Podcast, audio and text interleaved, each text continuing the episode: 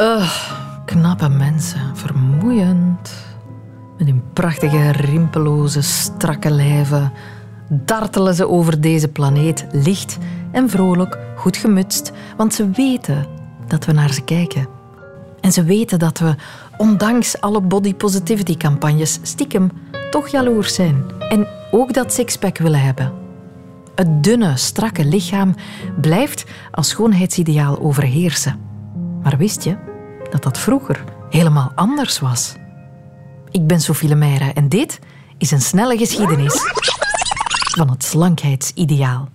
Vroeger, hè, toen was het net goed om een beetje de kilo's te verzamelen. Ja, het is eigenlijk tot misschien 150 jaar geleden zo dat grotere, forsere lichamen werden gezien als mooier en eigenlijk als het schoonheidsideaal. Dit is Giselinde Kuipers, cultuursocioloog aan de KU Leuven. Dat zie je bijvoorbeeld aan schilderijen met van die vrouwen met van die enorme volle boezems. Maar Mhm. bijvoorbeeld ook aan modes waar bijvoorbeeld mensen kussentjes op hun billen en op hun heupen deden om er groter uit te zien.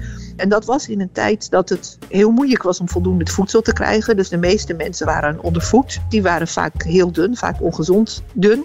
En de elite wilde zich daarvan onderscheiden door te laten zien: kijk, wij hebben genoeg, wij hebben, wij, wij hebben billen en borsten en grote heupen. En dat betekent dat wij een goed leven hebben. En dat, ja, dat gold als een nastrevenswaardig ideaal. Dat verandert 150 jaar geleden door. Nou ja, de, de consumptiesamenleving. Het is ook niet overal op de wereld tegelijkertijd, maar het, je ziet het het snelste in Noord-Amerika en ja, Noordwest-Europa. Dat eigenlijk mensen voor het eerst eerder te veel dan te weinig eten hadden. Dus dat was voor iedereen op een goed moment. De voedselproductie nam enorm toe op een goed moment. En iedereen had genoeg te eten. En wat daarmee veranderde was dat eigenlijk dat vanaf de bovenlagen de eerste groepen zich probeerden te onderscheiden door te laten zien dat zij de zelfbeheersing hadden om zich ja, om zich in te houden in een omgeving dat je vol en dik kon eten. Ineens werd je gewicht een morele kwestie. Kan jij je wel een beetje beheersen? Hè? Smulpaapje. Hè? Heb jij jezelf wel een beetje in de hand? Ik wel hoor, want ik ben dun.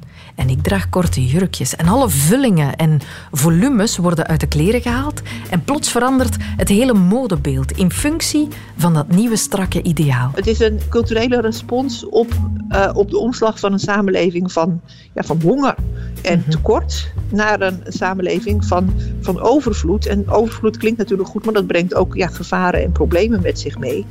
En mensen willen laten zien dat ze die gevaren te lijf kunnen. En dat gaat dus met heel veel zelfbeheersing. En het is eigenlijk altijd zo dat de, dat de schoonheidsidealen van de elite... dat die ook laten zien dat zij iets kunnen wat, wat het gewone volk niet kan. Een personal trainer betalen bijvoorbeeld. Want vandaag moet je niet alleen dun zijn, je moet ook gezond en sterk en gespierd zijn. Supermensen wel haast. Maar dat kost wel wat geld en tijd. En dat is dus alweer vooral weggelegd voor de lucky few. Gelukkig zijn er tegenbewegingen. Popsterren, personalities met een maatje meer, plus-size models, wat nog allemaal. Kunnen die dan het tij niet doen keren? Het, is wel een tegenbeweging die altijd marginaal blijft. Ik kijk al een tijdje, al, al zo'n twaalf jaar volg ik dit. En elke paar jaar krijg ik weer, komt er weer zo'n soort van iemand die zegt... wij gaan nu ons niet meer houden aan dat doen ideaal. En dat is dan een tijdje een golfje en dat, ja, dat hebt dan toch weer weg. En dan is er weer een nieuw iemand. Maar op een manier, het is toch het, het beklijft niet als een, uh, als een permanent schoonheidsideaal tot nu toe. Tot nu toe. Eeuwenoude dynamieken, die krijg je er niet zomaar uit.